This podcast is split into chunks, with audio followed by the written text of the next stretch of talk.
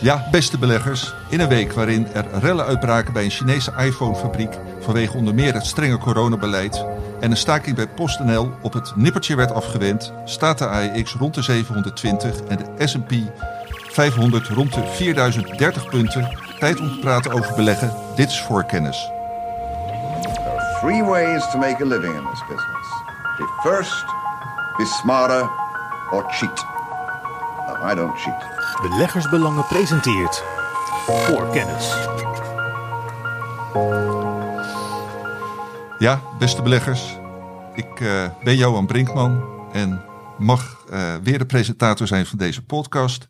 Met eh, deze keer mijn collega's Hilde Laman en Michel Pekelharing bij ons aan tafel. We hebben drie hoofdonderwerpen. Op de eerste plaats, plaats komt er een recessie in de VS en wat betekent dat voor aandelen? Dan het bodemen van de grote indices, zoals bijvoorbeeld de S&P 500 in Amerika, ten opzichte van het bodemen van individuele aandelen. Uh, vervolgens beleggen in Latijns-Amerika. En tot slot uh, gaan we als extraatje in op een lezersvraag die we hebben gekregen over het beleggen in de zalmindustrie. Maar we gaan eerst terugblikken en daarmee beginnen we met Michiel. Michiel, wat viel jou het meeste op? Wat mij opviel deze week is het nieuws van Philips. En niet zozeer het nieuws zelf, want dat was zoals gebruikelijk slecht. Maar vooral de koersreactie erop, wat het aandeel bewoog nauwelijks. Ja, zeg even voor de luisteraar die niet in Philips zitten. Wat voor nieuws? Wij kunnen het wel dromen ongeveer, maar... Nou, de afgelopen week werd bekend dat Philips volgens de FDA... die ze hebben, maken apparaten voor slaapapneu. Daar zit een bepaald schuim in, dat werkt niet goed. vervelende bijwerkingen volgens de FDA, dat is de Amerikaanse toezichthouder, zouden de 260 mogelijke sterfgevallen daarmee gelinkt kunnen zijn. En dat aantal kwam deze week naar buiten. En bovendien maakte Philips zelf bekend dat er bij het vervangen en repareren van dit soort toestellen ook het een en ander mis is gegaan. En um, volgens mij hebben we hier een aantal weken eerder gezeten. En toen heb ik gezegd van ja, eigenlijk moet er, moet er gewoon een kwestie komen. Er moet vertrouwen komen in dat Philips dit lek nu boven heeft. En dat draagt, wat er nu komt, draagt daar niet aan bij. Maar wat mij opvalt, is dat gewoon de beleggers hun schouders ophalen. Dat blijkbaar al die ellende al in de koers verwerkt is. Uh, en als je dan kijkt naar de waardering van Philips nu in ja, 10, 12 keer de free cash voor volgend jaar. Uh, de bereidheid om de free cash te delen met de aandeelhouders via dividend. Dan heb ik gezegd, ja, dit zou wel eens het moment kunnen zijn waarop Philips een aardige dobbel begint te worden. Slecht nieuws uh, is een, goed een nieuws. aardige, wat begint Een aardige dobbel begint te worden. Dat ik bijna Philips het voordeel zo van de twijfel zou willen geven. Oké, okay, ja. Uh, nou, ik heb het uh, hier niet toevallig regelmatig met Hildo over. En die heeft daar ook een bepaalde mening over dit bedrijf. dus Hildo, kun jij daarop op reageren? Nou, ja, ik ben zelf nog niet direct heel enthousiast. Ik, ik zit nog niet te denken om nu een koopadvies te gaan geven. En, en er zijn eigenlijk twee redenen voor. Eén, dit soort situaties hebben altijd tijd nodig om zich recht te trekken op de beurs. Dat zag je bijvoorbeeld ook bij Bayer. Dat heeft echt heel lang geduurd voordat dat aandeel weer... En het is nog steeds niet wat het was. Nee. Het, uh, um, dat bodemingsproces na zo'n um, zo, zo na zo'n enorme domper, ja. dat duurt vaak lang. Um, lang als in een, in een jaar wel of langer? Nou ja, het kan een jaar, anderhalf jaar, Ja. twee jaar kan, Ja. het, kan het duren. Ja. En uh, Philips is nog niet zo ver. En een tweede punt is dat Philips zelf heeft gezegd dat ze um, wat betreft een uitkomst van al die uh, juridische zaken, oftewel hoeveel gaat het uiteindelijk kosten, waar gaat Ja. het uh, naartoe met die rechtspraken uh, of rechtszaken in, in de VS, Ja, dat we dat pas op z'n vroegst eind volgend jaar kunnen verwachten. ja, Dus dat blijft voorlopig nog wel boven het aandeel hangen. ja. Dus um, ik wil niet zeggen dat ik verwacht dat het aandeel nog onderuit gaat storten. Maar ik, wil, ik denk, verwacht ook niet dat het aandeel op korte termijn hard omhoog zal lopen. Vanwege die twee redenen die ik net noemde. Dus ik denk dat, het, uh, dat op zich dat je best wel geduld zou kunnen hebben. Wel beschouwd zou het ook raar zijn om een koopadvies te geven op basis van slecht nieuws. Want laten we wel wezen. Het is niet Ja. heel positief wat er naar buiten komt. Maar het is meer dat, dat mijn ervaring is op een gegeven ogenblik. Dan zit de ellende in de koers verwerkt. En dan, ja, je hebt niet meteen meteen dat herstel. Dus ik Nee, precies. neem alle tijd. Misschien dat het over een jaar duurt, misschien nog wel langer. Maar in de tussentijd krijg je een leuk dividend en kan je afwachten. Terwijl je die koers niet nog verder af ziet brokkelen. En niet nog meer klappen ziet krijgen zoals de afgelopen jaren. Ja. Ja. Dat, eh, Nou, voor de helderheid, voor de, de niet-abonnee, we hebben een houtadvies op eh, Philips. Dus eh, vat dit niet op als een eh, koopaanbeveling. Maar opvallend is het inderdaad wel dat op eh, behoorlijk slecht nieuws de koers nauwelijks meer eh, reageert. Had jij nog andere dingen die je in je terugblik wilde noemen? Weinig, weinig eh, dingen die, ja, bepaalde zaken die de aandacht trekken. Iets meer werkloos in de Verenigde Staten. Maar daar komen we zo meteen wel op. En natuurlijk Ja. ook nog even Vivorium dat met cijfers naar buiten is gekomen. Die niet heel rooskleurig waren. Maar En waar jij negatief op waar ik bent. Ja. Sowieso, dat aandeel, dat is echt een dobbel. Dat is zo'n kleine kans op een heel hoog rendement. Ik, eh, ja, en die, die, die cijfers die dragen er ook niet aan bij. Ze hebben nog een bepaalde periode cash. Over ja, eind 2023 is de pot leeg. En Ja. voor die tijd moeten ze nieuw kapitaal aantrekken. Ja, gaat dat lukken? Dat hangt er heel erg vanaf wat de, wat de studieresultaten zijn. De voorlopige tussentijdsresultaten vorig, jaar- volgend jaar. Dus het is een vrij binaire belegging, zoals ik dat soms wel eens zo mooi noem. Ja, ja, zeker. En eh, sowieso het staartje van het cijferseizoen. Hè? Dus eh, ja. ja. Eh, Hildo, wat vond jij opvallend afgelopen week? Nou, er waren weer een eh, aantal Amerikaanse eh, macrocijfers. Ehm, wat mij opviel was eh, dat ehm, de inflatieverwachting bij Amerikanen ietsje lager kwam, uitkwam dan, dan verwacht, Ehm, maar nog steeds vrij hoog. En wat me trouwens ook opviel, dat, dat de lange termijn inflatieverwachting bij Amerikanen, dus dat is over vijf jaar, dat die vrij stug rond de 3% blijft hangen. En aan de ene kant is dat hoog, dat is hoger dan het doel wat veel centrale banken hebben van 2%. Ja. Aan de andere kant is het een stuk lager dan waar we nu zitten. Ja, Ehm, ehm, maar goed, ik, ik, ik vind dat interessant omdat het vooral, eh, kijk, con- eh, inflatieverwachtingen, dat is heel bepalend ehm, voor consumentengedrag. Als je als consumenten ver- eh, verwachten dat, eh, dat prijzen gaan stijgen, dan eh, gedragen ze zich anders dan als ze denken van nou die, die inflatie en die prijzen, dat, eh, dat koelt wel af. ja. Dus dat is een hele belangrijke. Ehm, en Maar wat ik heb verder je dan een specifiek macrocijfer waar je op doelt? Want de, Nou, dit was de, dat, ehm, eh, de Michigan, de Universiteit van Michigan, die houdt altijd een groot consumentenonderzoek. Ja. eh, eh, met, met een grote regelmaat. En ehm, een van de dingen dus die, ze, de, die ze daarbij onderzoeken is wat Amerikaanse consumenten eh, van de inflatie Ja, ja. verwachten. Dus als jij zegt eh, de Amerikanen, bedoel je niet een of ander instituut, maar gewoon de ondervraagde Amerikanen in dit Ja, eh, onderzoek. Precies, maar kijk, de Amerikanen, dat, die vraag ga je natuurlijk nooit kri- krijgen. Tenzij ze allemaal drie, alle 300, wat is het, 360 miljoen één voor één gaat vragen. Maar dan zit, zitten we hier al even. ja. Oké, nee, maar dat even voor de helderheid. Eh, en nog andere dingen? Of, eh, Nou, dat, ze- dat de, de, de, de S&P eh, weer eens eh, voor het eerst in tien weken boven de 4000 is gekomen. Ja, dat is ook ja. weer eens leuk om dat te zien. Ja, nou toen ik eh, net deze podcast voorbereidde, toen zag ik inderdaad de S&P 500 rond de 4030 punten. Dus dat is inderdaad eh, sinds lange tijd weer boven de 4000. En eh, nou is misschien ook een bruggetje naar het eh, eerste hoofdonderwerp. Voor Eh, ja, want eh, nou, eh, zoals we alle, weten is Amerika nog steeds de grootste economie ter wereld. En is wat daar economisch gebeurt ook heel erg belangrijk voor wat er overal ter wereld op de beurs gebeurt. Zeker in Nederland. En dan is dan toch de grote vraag van hoe staat die Amerikaanse economie ervoor? En eh, nou, Michiel, jij wilde daar eh, in ieder geval wat over zeggen. En eh Hildo gaat daar dan op reageren. Nou, ik ben heel benieuwd wat, wat we morgen, wat we dus eigenlijk op Zwarte Vrijdag gaan meemaken. Want ehm, dat is een heel goede indicator vaak van hoe, met hoeveel vertrouwen de Amerikaanse consument naar de toekomst kijkt. En dan hebben ze gekeken, de, de, ehm, de National Retail Federation die voorspelt dat mensen aan het feestdagenseizoen, want morgen wordt groot ingestagen natuurlijk voor kerst en alle andere dagen die eruit komen, 6 tot 8 procent meer gaan uitgeven. Maar ehm, een andere studie van McKinsey die juist wijst juist op dat mensen wat terughoudender zijn. Dat ze niet eh, de 880 dollar uitgeven die vorig jaar gebruikelijk was, maar ongeveer 700 dollar. En de voornaamste reden is natuurlijk mensen maken zich zorgen om hun baan. Mensen maken zich zorgen om inflatie. Ehm, en McKinsey heeft ook gekeken naar wat breder perspectief. Dat was, gebeurde ook in 2009, begin 2009. Eh, toen- zijn Amerikanen ook gewoon steeds meer hun hand op de knip gaan zei houden. 2019? 2009. Oh, 2009, oké. ja. En vaak is dat wel een signaal dat, dat de economie echt even een moeilijke periode tegemoet gaat. Dus ik, eh, je, je, je komt het ook terug in de voorspelling van banken. Die zeggen van rond het tweede kwartaal 2023 zou de VS wel eens in een recessie kunnen zitten. ja. Ehm, de, de topmannen van de Amerikaanse banken die zeggen dat we maken ons op voor een zware tijd. Dus ik, eh, je, we worden eigenlijk een beetje voorbereid van jongens, we gaan even een wat, wat mindere periode tegemoet. Maar je ziet natuurlijk ook wel dat die aandelenmarkten daar een heel grote ehm, ja, voorschot op hebben genomen. Ja, ja. want eh, eh, nou goed, eh, inflatie en hoge rente en de beurzen die naar beneden gaan, dat speelt natuurlijk al het hele jaar. En ook dat het economisch wat minder gaat. Maar de VS zit nog niet in een recessie op dit moment. Nee.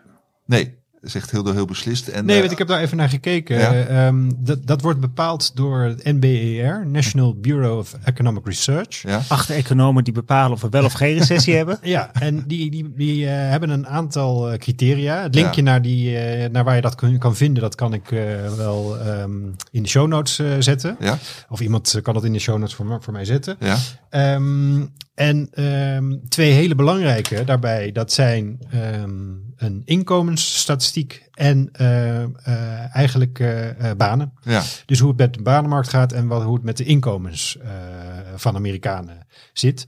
En ehm, die wijzen gewoon, de laatste cijfers, die wijzen gewoon absoluut niet op een recessie. Andere criteria heb ik ook bekeken, die wijzen eigenlijk ook niet op een recessie. Dan moet ik er wel bij zeggen, dat zijn cijfers waarmee je terugkijkt in het verleden. Je kijkt dus niet nee, hoe het nu is. Je, je krijgt met die cijfers krijg je te horen, zo was het in september. ja, Of zo was het in oktober. Nou, naar gelang hoe snel die cijfers zijn uitgekomen. ja.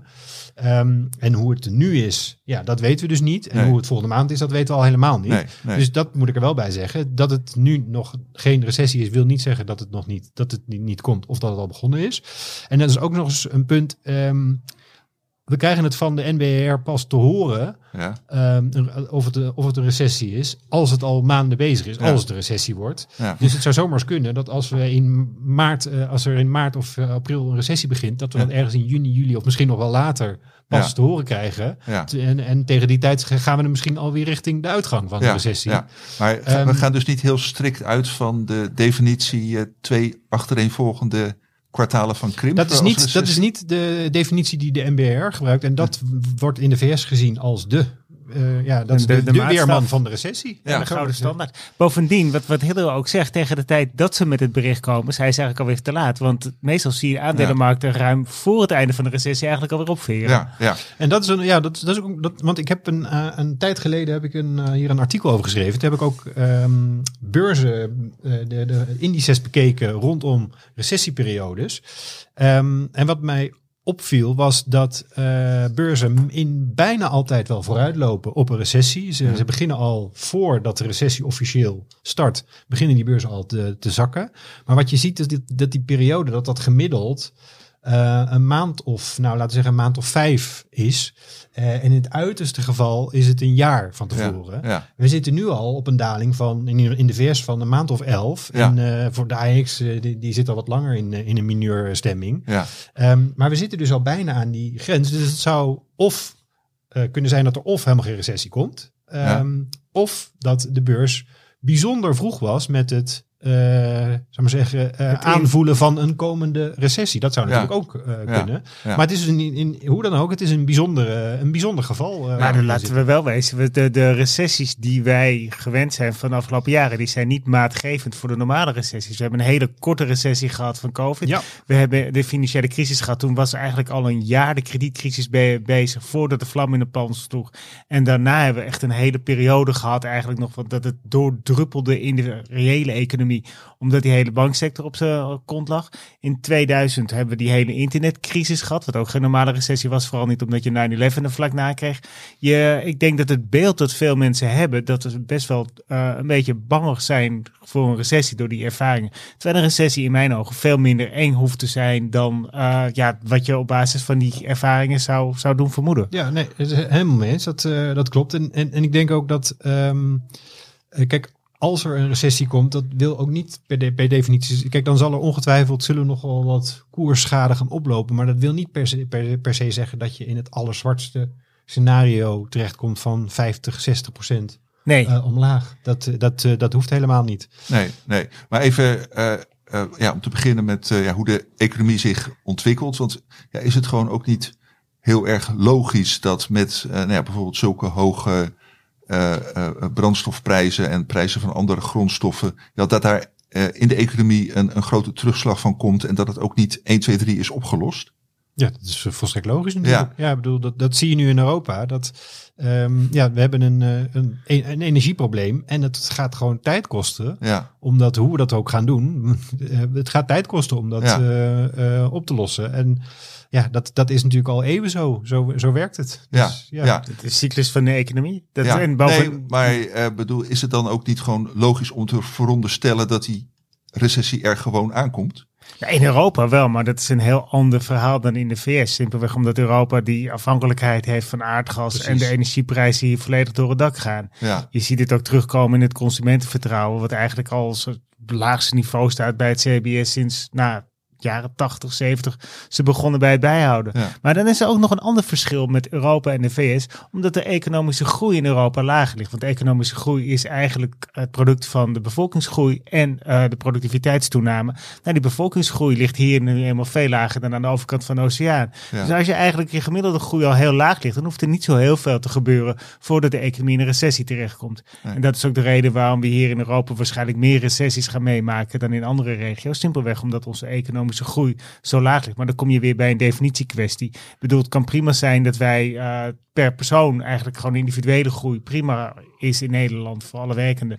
Ja. Maar dat de economie als geheel simpelweg omdat de eh, bevolking in Europa nauwelijks meer toeneemt of misschien zelfs afneemt als gevo- gevolg van vergrijzing, dat je de steeds kleinere beroepsbevolking krijgt, dat je daardoor eigenlijk ook op een hele lage groei uitkomt. Ja. En het, zou voor, eh, voor, het zou voor de beurzen erg goed nieuws zijn als eh, Europa wel een eh, recessie heeft en de VS eh, niet in deze periode.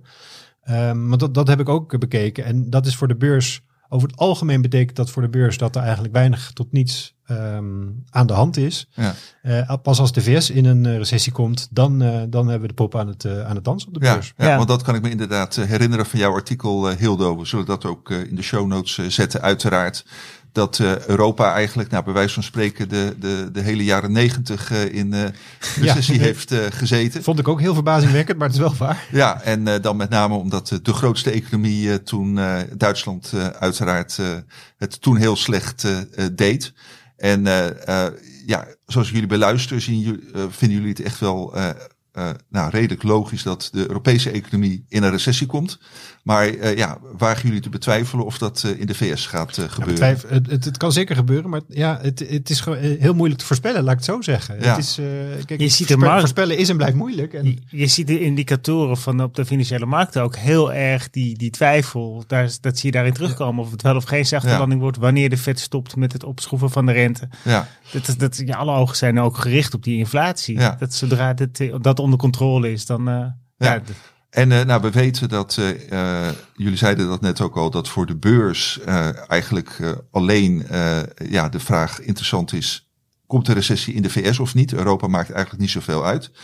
Wat zijn dan dingen waar beleggers de komende weken, maanden op moeten letten om eh, nou ja, te, te, te, te, eh, eh, signalen op te vangen of er nou wel of niet een recessie komt daar? nou, zoals ik al zei, en ik denk dat, dat iedereen dat, dat ook wel begrijpt, die arbeidsmarkt is gewoon heel belangrijk. Het is niet alleen de NBR die dat belangrijk vindt, maar kijk, die arbeidsmarkt is natuurlijk leidend van, voor hoe consumenten zich gaan gedragen. Als jij bang bent om je baan te verliezen, Ja, dan ga je minder makkelijk een nieuwe keuken bestellen. ja, Eh, terwijl als je denkt van nou, eh, mij kan niks gebeuren en ik krijg eerder loonsverhoging dat ik eruit eh, vlieg. Dat is natuurlijk een hele andere instelling. ja, dus als die arbeidsmarkt slecht gaat lopen, dan gaan mensen ehm, meer op de centjes letten. Zo simpel is het. En, en als je je baan verliest, dan heb je natuurlijk al helemaal een goede reden om op je centjes te letten. ja. Ehm, dus dat is, dat is gewoon echt een hele belangrijke eh, factor. Dus als je die, die arbeidsmarkt goed in de gaten houdt, dan, eh, dan kom je al een aardig eind. Nou, Amerikaanse consument is de motor van de economie daar. Dus er, inderdaad, wat Hildo heel goed samenvat is... hebben mensen het vermogen om geld uit te geven... en hebben ze de wil om dat uit te geven. En nou ja, dat hangt heel erg af van je baan. Ja, en voor de duidelijkheid, die Amerikaanse arbeidsmarkt die houdt zich eh, uitzonderlijk goed eh, toch in deze eh, situatie op dit Nou, je, moment. je ziet wel wat, wat barsjes verschijnen. Ja, Ehm, maar zoals ik al zei, het, eh, je kan nog zeker niet de conclusie trekken op basis van de huidige cijfers van nou, die recessie is begonnen. nee, nee. Eh, is dat een eh, conclusie waarmee we kunnen afsluiten, Michiel, over dit onderwerp? Nog niet helemaal, want ik zou er toch heel graag nog wat aan willen toevoegen. Namelijk eh, het antwoord op de vraag... wat moeten beleggers dan wel doen als er een recessie komt? Ja? Eh, wat dat soort periodes van die economische cyclus presteren, historisch gezien in ieder geval, ehm, goud en eh tienjarige staatsobligaties goed. En eh high yields. Nou, high yields zou ik niet kopen. De spread is nu de risicovergoeding die je krijgt bovenop veilige staatsleningen. Zo'n 4,6% in de VS. Pas als dat percentage rond de 10% schommelt, dan kan je echt blind in die beleggingscategorie stappen. Uh, de rentevergoeding op staatsobligaties is flink opgelopen, maar in de, ja, Europa nog vrij laag. In de VS krijg je nu 3,7 procent om je geld 10 jaar te parkeren. Nou, het, is, het blijft over goud. Dat zou ik op het huidige niveau op zich geen slechte vinden, al is het maar om je portefeuille iets meer te diversificeren. Ja, ja. Dus dat, uh, ja, dat wil ik er graag aan toevoegen. Uh, ja, een goede toevoeging, Michiel. En ik weet ook dat onze goudspecialist Karel Merks, dat hij daar ook positief over is. Dus uh, nou, dat, uh, dat vindt beleggersbelangen gewoon. Uh, Hildo, heb jij ook bepaalde beleggingen waarvan je zegt van ja, daar moet je als belegger op het moment dat je ja, officieel is dat die Amerikaanse recessie er is, daar moet je dan in gaan beleggen?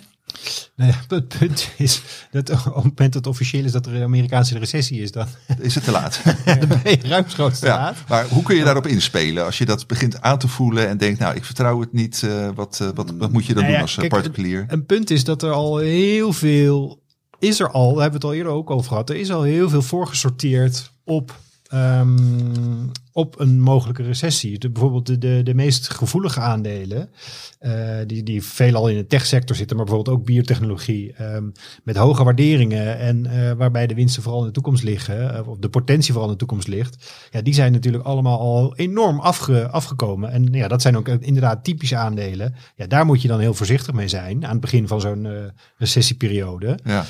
Um, en, maar dat is dus, dat is voor een groot deel, is dat al gebeurd. Um, ik, ik, kijk, wat ik altijd vind is, als jij gewoon kwaliteitsaandelen koopt of hebt, dan kun je in principe zo'n uh, um, zo'n periode met, met die portefeuille die je hebt gewoon uitzitten. Ik, Ja. ik denk niet dat jij, ik, ik, ik zie niet, ik zie geen reden om nu grootscheeps je hele portefeuille op de schop uh, te nemen. Nee. En, en flink te gaan verbouwen en dingen te verkopen en andere te kopen. Alleen maar of uit angst voor zo'n recessie. Ja. Uh, als jij gewoon goede aandelen hebt, ja, dan zou ik zeggen, blijf lekker zitten. Of als jij goede aandelen op het oog hebt, dat is uh, uiteindelijk op de lange termijn werkt dat beter dan uh, al, al die golven mee proberen te pikken. Oké, okay, uh, helder uh, standpunt. En uh, zo kennen we je ook, Hildo. mee eens, Michiel? Absoluut. Op de lange termijn is er veel meer kapitaal verspeeld door beleggers die afwachten en bang waren uit koersverlies en daardoor niet instapten of juist verkochten, dan door het koersverlies zelf. Dus daar sluit ik me volledig bij aan wat Hildo zegt. Oké, okay, nou, dat is hartstikke mooi. Gaan we naar het volgende onderwerp. Voorkennis. Uh, ja, Hildo, dat heb, uh, heb jij uh, aangedragen. wanneer bodemt een, een graadmeter zoals nou, dicht bij huis de AEX, maar goed, we kijken natuurlijk wel snel naar de S&P 500 of andere grotere graadmeters. En ja, wat, wanneer bodemen de, de fondsen, de, de bedrijven die daarin zitten.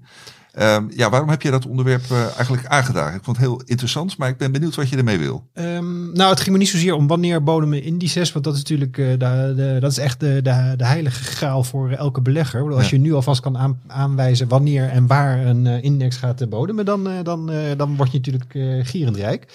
Um, dus helaas, nee, dat, daar heb ik ook geen gouden oplossing voor die altijd werkt. maar waar, waar het mij om ging, is dat ik ging op, op een gegeven moment gewoon eens kijken. Kijk, hoe ik erop kwam, is omdat sommige aandelen al, uh, dat waar ik het net over had, al echt al enorme koersverliezen voor de kiezer hebben gekregen. Er zijn, uh, er zijn aandelen die 60, 70, 80 procent. Ja, kun je een paar voorbeelden zijn, noemen die iedereen nou, kent? de, de, de technologie uh, aandelen. Bijvoorbeeld een, een aandeel wat ik uh, een tijdje geleden heb ge, getipt, uh, Etsy. Dat was op een gegeven moment, was dat, um, ik weet niet meer wat het was, was iets van 70, 80 procent.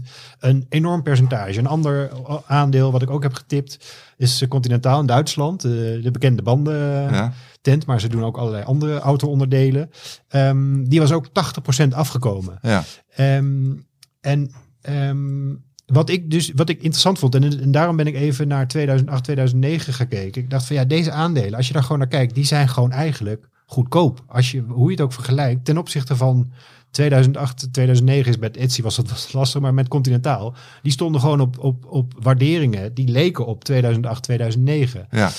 Um, en toen zat ik te denken van ja, maar stel nou, er komt een Amerikaanse recessie en, de, al die beurzen gaan verder onderuit. Is Continentaal dan nog wel zo'n aantrekkelijke koop? En toen ben ik dus eens gaan kijken, zijn er aandelen die, um, eh, in 2008, 2009, die niet op een 9 maart 2009 zijn gebodemd, maar al eerder. En ja, dat bleek 9 maart wat- 2009 toen eh, Dat eigenlijk was alle de- ge- de- belangrijke graadmeters. de bodem eh, wel. Voor de. S&P Ja. en de AEX en nou, Ja. heel veel andere grote indices, die hadden op dat moment het laagste punt bereikt. En Ja. vanaf toen ging het, eh, vanaf een, een dag later ging het weer omhoog. Ja. Dus als je een tijdmachine kunt vinden, dan is dat de dag waar je naar je toe Ja, moet. Precies. Het, het was een week nadat ik eh, eh, in dienst kwam bij beleggersbelangen, maar dat is uiteraard eh, volstrekt eh, toeval. Maar, eh, ja, Wel een mooi heb, moment. eh, ja, zeker, zeker een mooi moment. Ja. Ja, en, eh, en dat, dat bleek dus inderdaad zo te, te, te zijn. Bijvoorbeeld Aalt en KPN, die, eh, die hadden hun laagste koers al op 10 oktober 2008 eh, bereikt. Ja. Ehm, AXO en ASML eh, op 21 november. DSM en Heineken op 5 december 2008. Dus Ja. allemaal maanden voor de, de grote, echte eh, bodem. Ja. Ehm, en ook als je in Amerika kijkt, eh, ehm, het was geen toeval dat, eh, dat bijvoorbeeld ASML op 21 november bodemde. De Nasdaq 100-index met eh, grote technologiebedrijven, die bodemde op eh, 20 november. Ja. Ehm, wat wel opvallend is dat de Nasdaq Composite met heel veel kleinere bedrijven, Ja. die bodemde wel op 9 maart ehm, 2009. Ja. Dus het waren vooral de grotere tech eh, aandelen die, Ja. ehm, eh, die gewoon al vroeg de bodem bereikt hadden. Ja. Ehm, en wat ik, waarom ik vooral interessant vind, is wa- wat ik eerder ook al zei. ehm, als jij gewoon goede aandelen koopt Ja. op goede waarderingen. Ehm, dan hoef je wat mij betreft helemaal niet te wachten op die ene bodem. Want ik heb nog wel eens de indruk dat, dat tenminste als je dan zo op social media kijkt. En misschien zitten daar alleen idioten op, dat weet ik niet. Het, eh, Eh, Ehm, nou, dat zijn er dan wel heel erg veel, maar goed, laten, we- laten we daar niet van nou, er zitten in ieder geval een aantal idioten Ja, op. precies, of, ja. of de idioot die laat zich het, het, eh, het hardste, het meest gelden. Dat Ja. zou natuurlijk ook kunnen. Maar ik zie daar heel veel mensen die zeggen: nee, wacht toch op de bodem. En, eh, en, en daarvan denk ik altijd van ja, maar wacht nou op de bodem. Als, eh, ehm, daarvan, er zijn natuurlijk twee aspecten. Eén, daarvan dan ga je dus vanuit dat jij op, op de dag dat de bodem daadwerkelijk is, eh, eh, komt. Ja. Dat jij dan dat weet dat het de bodem is. En Ja. dat je dan volop aan het inkopen Ja, gaat. Ehm, en, een, en een ander punt is dus, ehm, die aandelen die je op het oog hebt, die hoeven dus, want dat, is, heb ik, dat heb ik dus ook bekeken, die hoeven dus dan op dat moment helemaal niet te bodemen. Het kan dus Nee. zijn dat die op de bodem al lang gezien hebben en inmiddels alweer een stuk hoger staan. Ehm, dus wat mij betreft, wat de les, les is, kijk, als jij een, geïnteresseerd bent in een aandeel, kijk of het een, eh, een eh, recessie of de, de, de moeilijke, huidige moeilijke periode gewoon kan doorstaan, Ja. eh, financieel gezien. Als, dat hij niet failliet gaat. Precies, want als ja. het failliet gaat, dan is het uiteraard, Ja. dan is bodemvis natuurlijk een beetje een risky business. Ja, Dan is het niet zo fijn.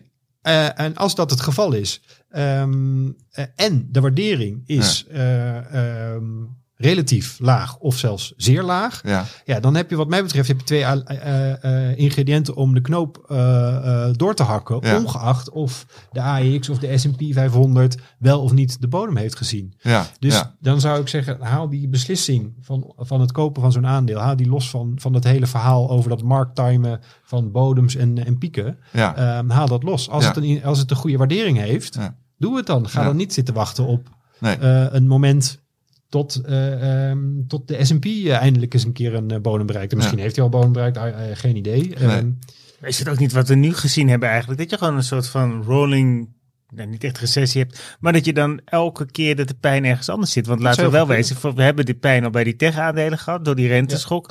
Ehm, je ziet het nu een beetje bij de consumentenbedrijven komen te liggen. En ik durf te wedden dat straks die energiebedrijven de pijn gaan voelen als die energieprijzen ook weer afdalen. Dat het inderdaad niet zozeer is dat je dan één, eh één moment hebt waarop alles weer omhoog gaat. Maar dat het gewoon per sector, dat het veel meer sectorgedreven wordt dan dat het eh, als marktgeheel gebeurt. Ja, zou heel goed kunnen. Ja, ja, ja. en, dat, want dat heb ik ook bekeken. Dat vond ik inderdaad wel een interessante. Ehm, defensieve bedrijven, zoals eh, McDonald's, Coca-Cola, Ja, in KPN in je voorbeeld. die, die bodemden relatief laat. Ja, Eh, die zaten veel dichter bij maart, eh, 9 maart 2009, of die zaten er zelfs eh, overheen. Ehm, en en wat, ik, wat ik ook een hele interessante vond, was dat de consumer staples, in de eerste drie kwartalen van 2008, deden die het heel goed. Die stonden begin oktober stonden ze op een verliesje van maar 2%, terwijl de rest Ja. van de beurs als gemiddelde stond een stuk lager. Ehm, maar toen, in die maanden daarna, kwam toch wel de zwiepert. Want daarna ging er toch nog wel ehm, dik 30% van die, eh, van die consumer staples eh eh, ging er af. ja, dus die kregen het toch wel voor de kiezen, alleen relatief laat. En op zich is het natuurlijk ook heel logisch. Want in het begin van zo'n periode denkt iedereen, weet je wat, ik ga snel Ja, eh, veilig uit zitten. die gevaarlijke aandelen. Ik ga in Ja. die- in die, dus dat, dat, dat zorgt voor verkopers bij de, de laten we zeggen, de cyclische aandelen. Voor kopers bij de defensieve aandelen. En op een gegeven moment worden die cyclische aandelen zo goedkoop.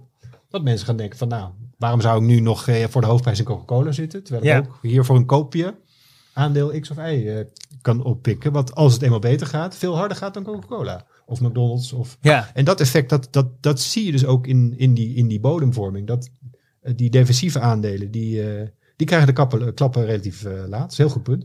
Ja, nou ja, even een eh, voorbeeld uit mijn eh, eigen portefeuille. Ik heb eh, begin dit jaar KPN gekocht.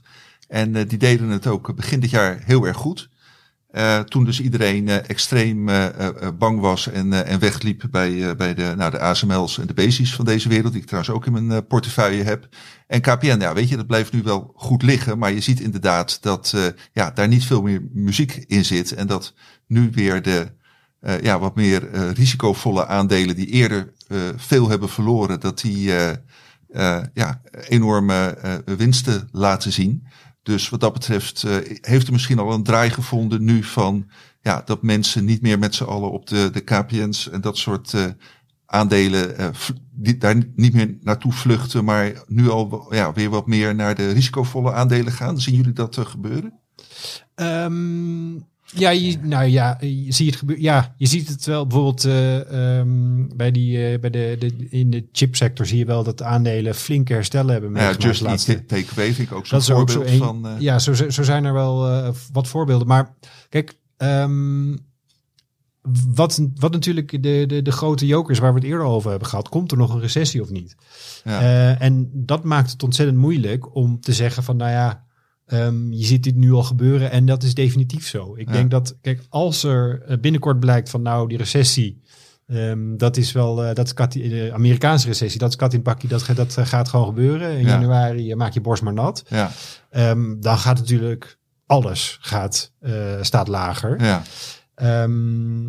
maar over, eh, kijk, hoe, hoe dan ook, als we eenmaal weten van, nou ja, eh, het ergste is achter de rug, ja, dan zul je inderdaad wel zi- eh, eh, zo'n Ja. beweging zien. Het probleem is, we weten alleen niet wanneer dat moment komt. Nee, maar dus, nee. dus die beweging die we net dus beschreven hebben, Ja. die gaat komen. Alleen we weten niet precies eh, wanneer. Nee, en en nee. helaas eh, wist ik het maar. maar. Maar zoals ik al ook al zei, de, kijk, de- daarom is het ook zo belangrijk om eh, oog eh, te houden op de lange termijn Ja, ja. en op de, gewoon de goede kwaliteitsaandelen. Nee, nee. door de cyclus heen te beleggen. Je weet nooit precies op welk punt je bent in de cyclus. Je kunt er een beetje rekening mee houden. ja, Uh, maar het is inderdaad van belang Ja. om gewoon door die hele cyclus heen te beleggen. En Ja. niet, niet te proberen om de markt te timen. Dat is echt het, het veruit de grootste fout die je kunt maken. ja.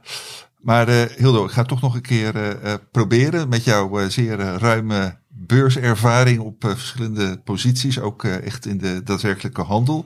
Heb jij nou een soort ja, vermoeden van bepaalde aandelen van ja, weet je, die zouden de bodem nu echt wel gehad kunnen hebben? Of durf je dat toch niet, eh, niet aan? Ehm, nou, zoals ik al zei, kijk, ik vond Continentaal een heel mooi voorbeeld. Want dat, eh, dat, dat, eh, dat stond op een gegeven moment, eh, wat is het, ergens rond 45. Eh, en als je gewoon naar de waardering kijkt, en dan kijk ik dus gewoon verhouding tussen bijvoorbeeld, kijk, winstverhoudingen, want ze hebben gewoon een slecht jaar. Dat, daar is weinig, dus, dus, dus die KW, dat zegt gewoon helemaal niets. Nee. Maar als je gewoon kijkt naar andere waarderingen, dus als je gewoon kijkt naar de, de verhouding tussen de omzet en de marktwaarde, dan, dan zaten ze al een behoorlijk end richting ehm 2008, 2009 niveaus, echt Ja. dus bodemniveaus. Ehm, en dat was nog wel ietsje lager, maar dan kijk ik dus gewoon, ja oké, je er kan nog, weet ik veel, 10, 20, misschien wel 25 procent van af. Ja, Maar als je kijkt naar wat er mogelijk is als het eenmaal weer beter wordt, als ze gewoon Ja. die periode doorkomen. En ik, ik had dus even gewoon die balans bekeken en hun, eh, hoe het met de kredieten zat, Ja. de kredietlijnen. En ik, ik, ik, ik dacht gewoon, ja, die, die, ze gaan het financieel waarschijnlijk wel overleven. ja, En op, op een gegeven moment komt het, eh, wordt het weer beter, want daar ga ik gewoon vanuit dat het uiteindelijk dat er wel weer een andere kant is. ja, Ehm, hoeveel is het aandeel dat waard? Eh, Ja. Dan waard. En dan zit je dus met winsten van 100% of misschien nog wel meer. ja, Ja, En dan gaat het mij dus om die verhouding. Van ja, Ja. je loopt dus nog wel een risico op 10, 20, misschien wel 25% extra verlies. ja, Maar aan de andere kant heb je wel een potentie van eh, een, een winst van, van 100%. Ja. En dan is het het aandeel nog niet eens absurd duur. Dan is het eh, misschien redelijk gewaardeerd. Dus dan hoeft het, het is niet een of andere fantasiewaardering die ik dan erop Nee, eh, plak nee. om het op 100% omhoog te krijgen. Nee. Ehm, en daar gaat het mij dus om. Ik, Ja. ik kijk dus veel meer naar die verhouding. eh, ik, ja, ik schrijf, het, eh, ik schrijf het zelf ook nog wel eens vaker in mijn artikelen. Maar ik kijk heel graag naar de verhouding tussen risico en rendement. Ja, Want risico, ehm, kijk, zeggen dat een aandeel zeker de bodem bereikt heeft, ja, Ja. dat kan ik gewoon niet zeggen. Om de Nee. simpele reden dat ik het niet zeker weet. Want Nee. morgen kan het gewoon weer lager staan. Dus ja, Ja. Eh, dat weet ik niet. Ik kijk dus gewoon, ja, wat kan er redelijk, redelijkerwijs nog van zo'n aandeel af? En Ja. extreme dingen kunnen gebeuren. eh, maar extreme dingen, situaties duren meestal niet zo heel lang. Dus Nee. als een aandeel echt, echt gewoon lachwekkend Ja. goedkoop wordt, Ja. dan gaat dat niet heel lang duren. ja. Maar jij vindt eh, dat Continental dus een, een aandeel op, op bodemniveau. Maar heb jij nog meer voorbeelden van aandelen die je volgt waarvan je zegt van ja, die zitten nu wel op bodemniveau? Ja, ik heb het al eerder genoemd, maar bijvoorbeeld Alphabet vind ik een heel mooi voorbeeld. Dat, dat, eh, dat zit op eh, waarderingsniveaus die ook in de buurt komen van 2008, 2009. Ja. En dan denk ik ook van ja, eh, en het is inmiddels alweer wat, wat opgelopen, maar onder de 90 dollar Ja, vond ik het aan, dacht ik van het aandeel, ja, dat is gewoon echt. eh, en dan nog zijn er mensen die het te duur vinden. En ik had van ja, waar kijken die mensen dan naar? Ja. Er is altijd wel een reden te vinden waarom een aandeel te duur is. Maar als je gewoon, ik denk dat Google en YouTube, dat dat niet eh, ehm, gaat verdwijnen. Dat we Nee. niet meer gaan googlen en dat we niet meer gaan YouTube. Dat geloof, daar geloof ik niet in. nee. En die advertenties, ja, dat dat nu slecht gaat, dat wil ik best geloven. Maar dat, is, dat wil niet zeggen dat het nooit meer terugkomt. Nee, nee. Dus ik denk dat dat, eh, dat is ook een voorbeeld eh, Ja. eh, van zo'n van zo'n aandeel waarvan ik denk van ja, ehm, of we nou de bodem hebben gezien of niet. Die waarde- waardering zeker rond 90 dollar of daaronder, is het gewoon, een, eh, is het gewoon aantrekkelijk. Ja, Risico is een keuze, rendement is het gevolg, moet ik meteen aan denken. Ja, Wat een oud collega van mij wel eens zei. ja. ja. En eh, eh, ja, ehm, Michiel, nu je hem toch doorpakt, zie jij bij de aandelen die jij volgt ook aandelen op bodemniveaus? Ik weet niet of het absolute bodemniveau zijn, maar als ik dan kijk naar zo'n bedrijf als Adyen, dan heb ik inderdaad een beetje hetzelfde als wat Hildo heeft bij eh, Alphabet. Simpelweg als je kijkt naar de positie binnen de markt, dat vind ik echt, ik merk dat ik de la- laatste, laatste tijd veel meer op focus. Ja, Hoe gevoelig is een bedrijf voor concurrentie, voor nieuwe concurrentie? Hoe veilig is het bedrijfsmodel? Uh, waar liggen de kansen voor nieuwe, nieuwe omzetbronnen? ja, En dan, dan heb ik iets van, ja, dit is het prachtig groeitraject. Ze zijn Ja. helemaal kapot geslagen. Simpelweg omdat die toekomstige groei minder waard wordt door die hogere rente. ja. Ik zie die rente niet nog heel veel verder stijgen. Ik, ik, ik denk dat dat soort bedrijven, dat je daar moet zoeken. Ja, oké. Eh, helder en eh, inspirerende bijdrage, dank jullie wel. Voorkennis. En eh, dan eh, iets heel anders. Eh, beleggen in eh, eh, Latijns-Amerika. Michiel, jij hebt dat aangedragen. Kun je zeggen waarom je dit een interessant onderwerp vindt op Ja, dit ik heb er in, in Beurs en Economie al over geschreven. Het is natuurlijk altijd, ja, als er WK voetbal komt, dan zie je overal van die dingen langskomen van wat de impact is van het winnen van een WK op zo'n economie.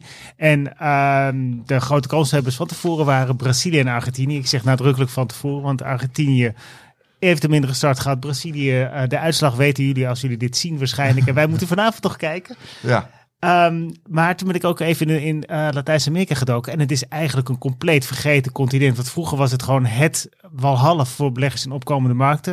En dan heb ik het over jaren negentig. China, die, wat, dat was nog geen groot verhaal. En er gebeurde heel veel. Van, van grondstoffen tot, tot, tot een groeiende bevolking.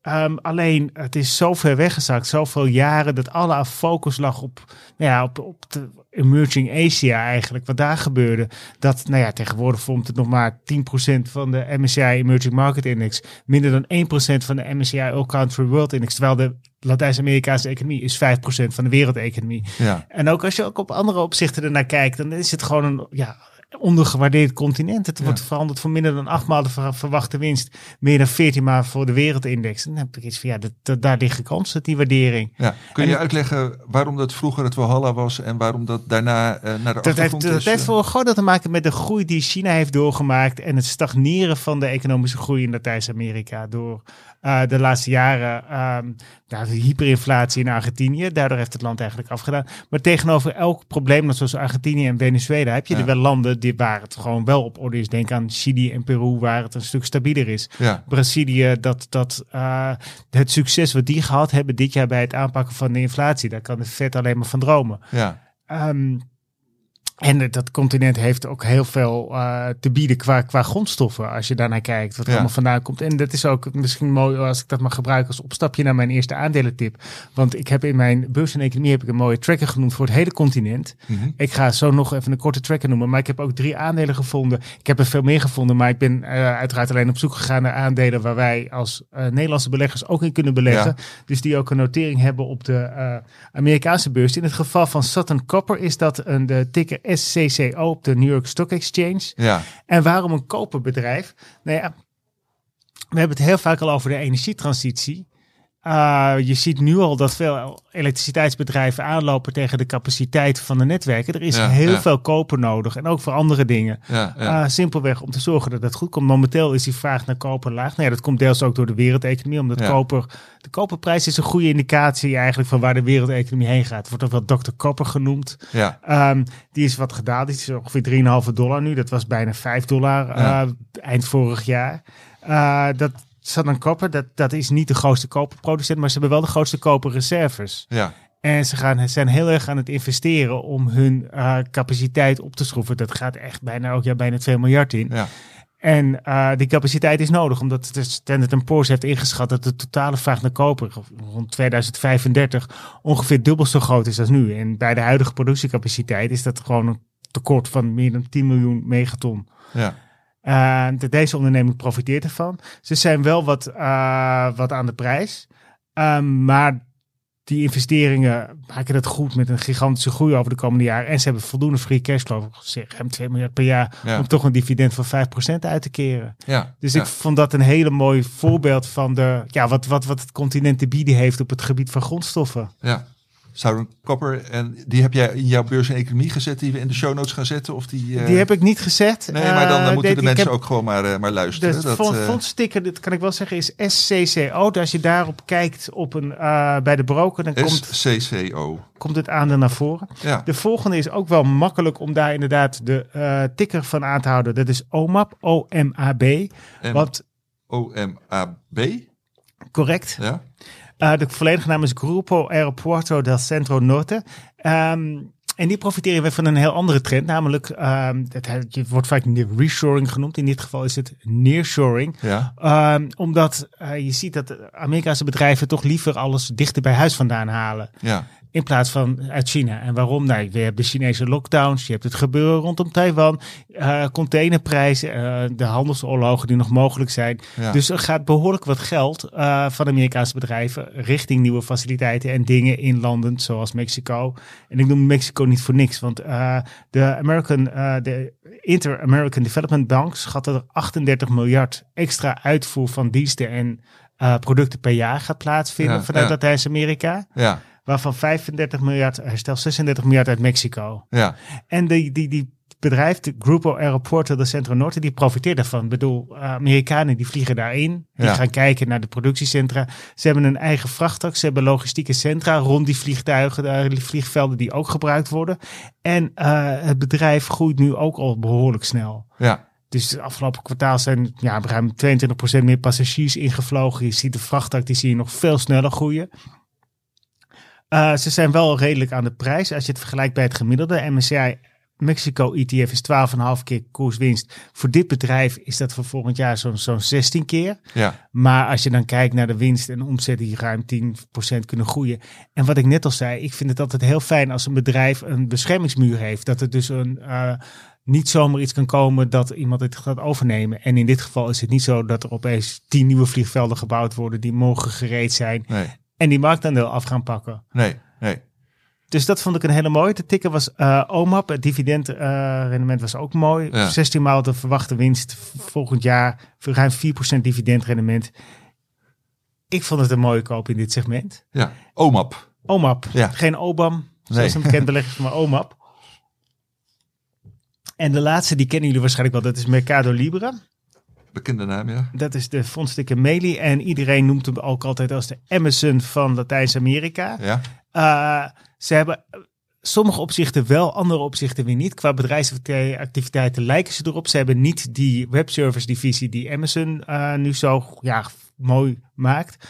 Um, Waar ze wel op lijken is de gigantische koersdaling die ze hebben meegemaakt. Het is gewoon van, van bijna 2000 eh, eind augustus vorig jaar tot minder dan 1000 vandaag. Ja. Uh, en dat was ook gewoon heel veel lucht die uit de waardering gelopen is. Wat ze wel hebben is Mercado uh, Pago. Dat is een betaaldienst. Dat is een soort van, ja, zoals um, eBay vroeger PayPal had, hebben zij Ja. een eigen betaalsysteem. En dat groeit razendsnel. Die hebben het afgelopen jaar 10 miljoen nieuwe fintech-gebruikers erbij gekregen. Ze hebben 40 miljoen gebruikers nog mee. Als je bedenkt dat er 650 miljoen mensen op het continent wonen. Ja. En dat het continent de hoogste groei heeft van internetpenetratie, waar ook ter wereld Ja. dan zie je dat er een gigantische markt is. En dat is ook wel een van de mooie dingen. Dat kwam uit een onderzoek van Morgan Stanley naar voren, wat ik net nog even zag langstrekken. Dat omzetgroei op de lange termijn, niet op de korte termijn, op de lange termijn, periode van 10 jaar, Ja. eh 74% van het aandelenrendement verklaart, als het ware. Ja. Ja. Dus ik had iets van, nou, als ik zie eh, die groei, de kansen, ehm, andere bedrijven die haken af. Ja. En door hun schaalgrootte gaat die marge heel snel omhoog. De Ja. operationele marge van 43% vorig jaar, 50% nu. Ze hebben hun eigen airfloat. Ze kunnen veel goedkoper leveren dan andere bedrijven. Veel goedkoper Ja. bezorgen. Ja. Simpelweg door die schaalgrootte. En kun je voor de mensen die niet zo snel hebben meegeschreven nog de tickercode van dit eh De tickercode is MELI. M-E-L-I. M-E-L-I. Het is waanzinnig duur. Je moet er niet te veel naar op de waardering letten. Maar dat komt omdat ze net pas de omslag hebben gemaakt naar winstgevendheid. Wat Amazon ook heel lang heeft uitgesteld. Dat is gewoon een bewuste keuze. Van ja, Ja. wij investeren in groei. Wij gaan winst maken op het moment dat dat nodig is. Ja. En dat doen ze nu ook. in die winst gaat razendsnel, ja, razendsnel groeien de komende jaren. Dus ik, eh, Dus drie eh, Latijns-Amerikaanse aandelen die eh, op de Amerikaanse beurs ook te verkrijgen zijn voor Nederlandse correct. De eerste was op eh, de, de Southern Corporates op de New York Stock Exchange. De andere twee op de Nasdaq. Oké, hartstikke goed eh, Michiel. En zitten die alle drie dan ook in de ETF die jij eh, aangeraden hebt in je beurs en economie? Dat zou ik even op moeten zoeken. Ik vermoed van wel. Dat kan bijna niet anders. Ja, Dat, want eh, voor... En te- tenslotte had ik nog één andere ETF beloofd. En ik heb het idee dat Mexico, als je ziet hoe de economie draait, ook de demografie die daar zo gunstig is, dat dat het land is waar ik niet mijn geld in zou Ja. Eh, dan zou ik op zoek gaan naar een MSCI Mexico ETF. Dat is ongeveer 12, 12,5 keer de koerswinst. Komt in de buurt van de wereldindex van Ja. ruim 14.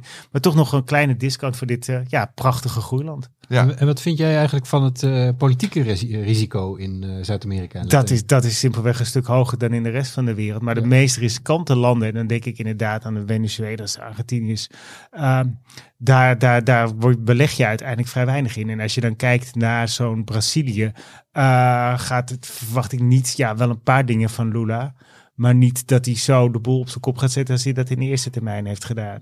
Nee. Nee. Ik vind het eh, met Mexico hetzelfde hoor. Je moet er inderdaad rekening mee houden dat het politiek risico hoger ligt dan wat wij gewend zijn in de ontwikkelde wereld.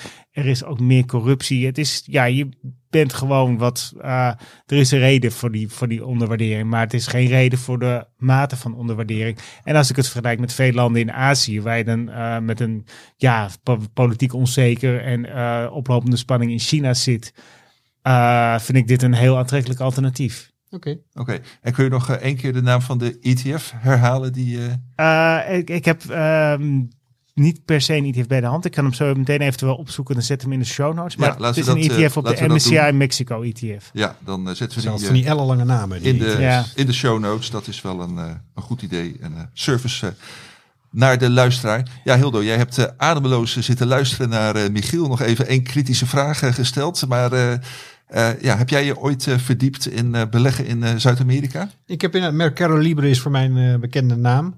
Ehm, daar ben ik natuurlijk opgekomen. Ik heb jaren geleden een eh, e-commerce artikel eh, geschreven. Ja. En ja, er zijn, kijk, Amazon is natuurlijk een, een evidente. Maar ja, om nou een, een drie pagina artikel over één bedrijf te schrijven, dat doen we meestal niet. Nee.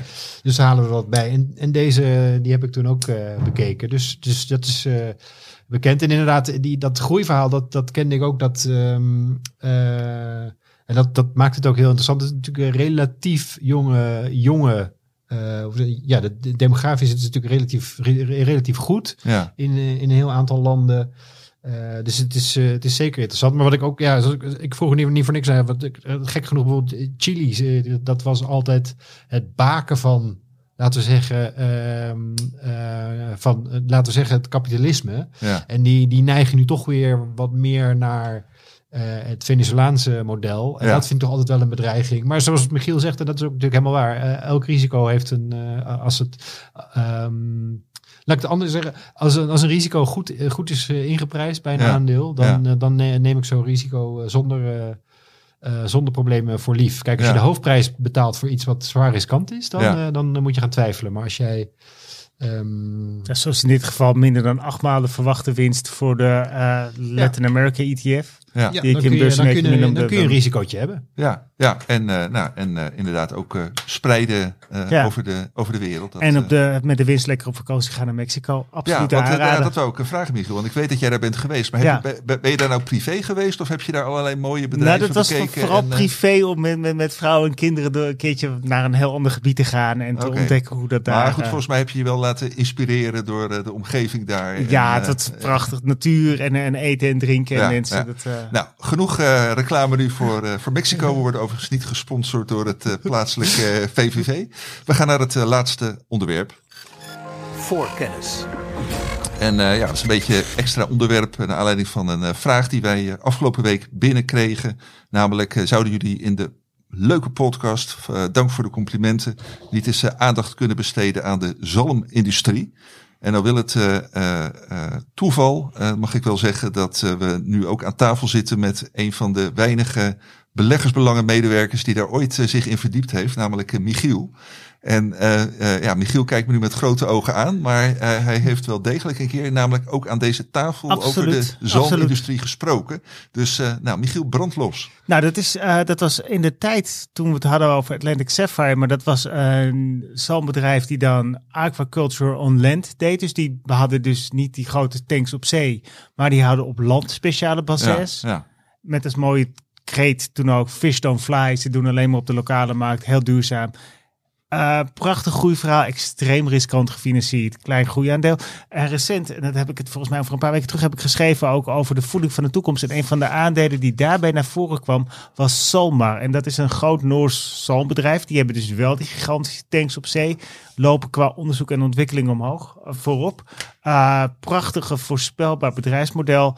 De ellende daaraan is alleen dat je uh, met een belasting zit die volgend jaar ingevoerd gaat worden in Noorwegen op het gebruik van de territori territoriale wateren. Ja. Juist om uh, het land mee te laten profiteren in de enorme winsten die die sector maakt. Dus wat je eind september zag, is dat de koersen van veel van dit soort aandelen met 40 of 50 procent gedaald zijn. In mijn analyse van Salmar heb ik dat ook meegenomen. Heb ik ook gewoon gekeken van oké, hoe ziet de winst eruit als uh, die, die maatregel, als die belastingmaatregel wordt doorgevoerd. En het is in de toekomst, het is gewoon een bepaalde manier van duurzaamheid. Je gaat niet uh, meer met, met van die grote traders de hele zee leegvissen. Dat model, dat gaat op de schop. Je ziet het nu al met de boeren in Nederland. Nou, de volgende stap zal ook wel de vissers zijn. En daar kun je van alles van vinden. Maar die beweging is duidelijk. En dit soort bedrijven, die profiteert ervan. Dus ik vind het een hele goede vraag. En ik, uh, ja, ik zou in de toekomst zeker Salmar en, en volgens mij ook andere bedrijven goed blijven volgen. Ja, en uh, inderdaad, uh, het onderwerp kwam ook aan de orde in jouw omslagartikel van een paar weken geleden, wat we in de show notes zullen zetten. Het wordt druk in de show notes, maar dat is, dat is prima. Ook hier de vraag aan jou, Hildo. Heb jij je ooit geïnteresseerd voor beleggen in, in zalm? Of is het meer nee, voor dat, lekker voor dat de heeft boterham? Zich, of, dat heeft zich volledig aan mijn aandacht dat heeft zich, ja, je, kunt niet, je kunt niet alles volgen, maar... Uh, dat, uh, uh, we staan open voor vragen en het is absoluut een leuk onderwerp om af en toe in beleggersbelangen op, op terug te komen. We gaan naar het slot toe. Voorkennis. ja, Hildo en Michiel. ja, we zitten natuurlijk in de situatie nu dat we niet kunnen gaan vooruitkijken, of althans nauwelijks naar cijfers, bedrijven die nog met cijfers komen, want het cijferseizoen is vrijwel uh, uh, volledig achter de rug? Of zijn er toch nog bedrijven uh, ja, die jullie zien komen met cijfers? Nou, geen, geen, geen bekende namen bij mij althans. Nee. Al, maar je hebt altijd bedrijven die er een typisch boekjaar op nahouden, waardoor Ja, ze ja. Eh, wa- waardoor het eh, kwartaal eindigt op 15 Ja. november bij wijze van Ja. spreken. Dus eh, maar die, die uitzonderingen zullen er zijn. Maar nee, van de bekende namen bij mij Nee. in ieder geval eh, is het even klaar. Hey, en betekent dit eh, voor jou als eh, belegger en als eh, redacteur, eh, Hilde, ook dat je in de, in de winterslaapstand gaat tot eh, nou, eh, ASML eind januari weer komt? Of zijn er wel degelijk eh, dingen waar jij eh, heel erg op let eh, de komende tijd? Nee, ik denk de, de, de enorme open deurs, we hebben het er net natuurlijk ook al over gehad. Maar eh, ja, voor de komende weken het belangrijkste eh, evenement is denk ik ehm, op 13 december, als ik het goed heb, worden Amerikaanse inflatiecijfers bekendgemaakt. En de dag later komt eh, de Amerikaanse Fed met het rentebesluit en het begeleidende commentaar. Ja, En ik denk dat dat, ja, dat, dat, dat is het evenement voor de komende weken wat op de agenda staat. En Ja. wat, wat ik ook een andere inter- interessante vind, is ik, ik las er toevallig laatst wat over, is dat OPEC zit te dubben of ze de productie gaan beperken of juist gaan uitbreiden of gelijk houden. ja, Eh, daar wordt wat eh, getouwtrekt. Eh, dat is op zich natuurlijk ook interessant, omdat ja, energie, zoals we al genoemd hebben, is, een, is gewoon een hele belangrijke. energieprijs is gewoon een hele belangrijke factor nu voor de, voor de markten. Dus eh, dat is ook een interessante. ja. Oké, eh, helder. Dus niet, niet in de winterslaapstand. Michiel, jij, eh, kijk jij nog naar dingen de komende weken met extra Absoluut, aandacht? absoluut. En eh, Hildo heeft in economisch opzicht al een heel uitgebreid vraag gehouden. Waar ik heel erg naar uitkijk is de ronde tafel van beleggersbelangen die volgende week plaatsvindt. Ja, vertel Michiel. Dat, eh, dat doe jij al eh, eh, best en ik, ben, een ik kijk er heel En, erg naar uit. Ik ben heel benieuwd of de deelnemers... Wat is de ronde tafel? Wie zijn de deelnemers? Nou, we hebben Ralf, we hebben Rick, we hebben... De deelnemers zullen we even eronder zetten. Bob Homand van ING, Ralf Wessels van ABN AMRO. Rick Doest, Rick niet te Doest, vergeten. niet te vergeten. Luc Ja, Aben. Luc Aben, ja, nou. van Landschot Grote- en. En die gaan. Ik ben, ben, ben heel benieuwd wat voor hen het moment van dit jaar was. Ehm, en natuurlijk ook wat ze van volgend jaar verwachten. Maar vooral ook of zij als beleggers iets geleerd hebben. En ik ben ook wel, eh, misschien wel leuk om daarmee af te sluiten. Om eh, te kijken of kijkers nog bepaalde vragen hebben. Die we dan eventueel aan het kwartet specialisten kunnen voorleggen tijdens de Ja, ja. bijeenkomst. Is, het, is dat een leuk idee? Eh, ja, dat is zeker een, een leuk idee. Want nou, vragen kunnen altijd overal aan beleggersbelangen en aan deze podcast worden gesteld. Maar eh, heeft u inderdaad eh, eh, vragen die Michiel als presentator later deze week van de ronde tafel van beleggersbelangen aan deze specialisten kan voorleggen, dan kunt u die ook mailen naar voorkennis.beleggersbelangen.nl. Dan zorg ik persoonlijk dat die bij Michiel en de heren van, de, van de ronde tafel terecht komen. Nou, volgens mij zit er dan nu weinig anders meer op dan jullie te bedanken voor jullie eh, mooie bijdrages, eh, Hildo en Michiel. En eh, ja, de luisteraars te bedanken voor het luisteren van nou, alweer bijna een uur mooie beleggersinformatie. Volgende week, want we gaan gewoon volop door in december ook, zit ik hier met Stefan Hendricks en Karel Merks. Heeft u dus vragen, dan kunt u die stellen aan voorkennis.beleggersbelangen.nl. En fijne week en tot volgende week. Dag.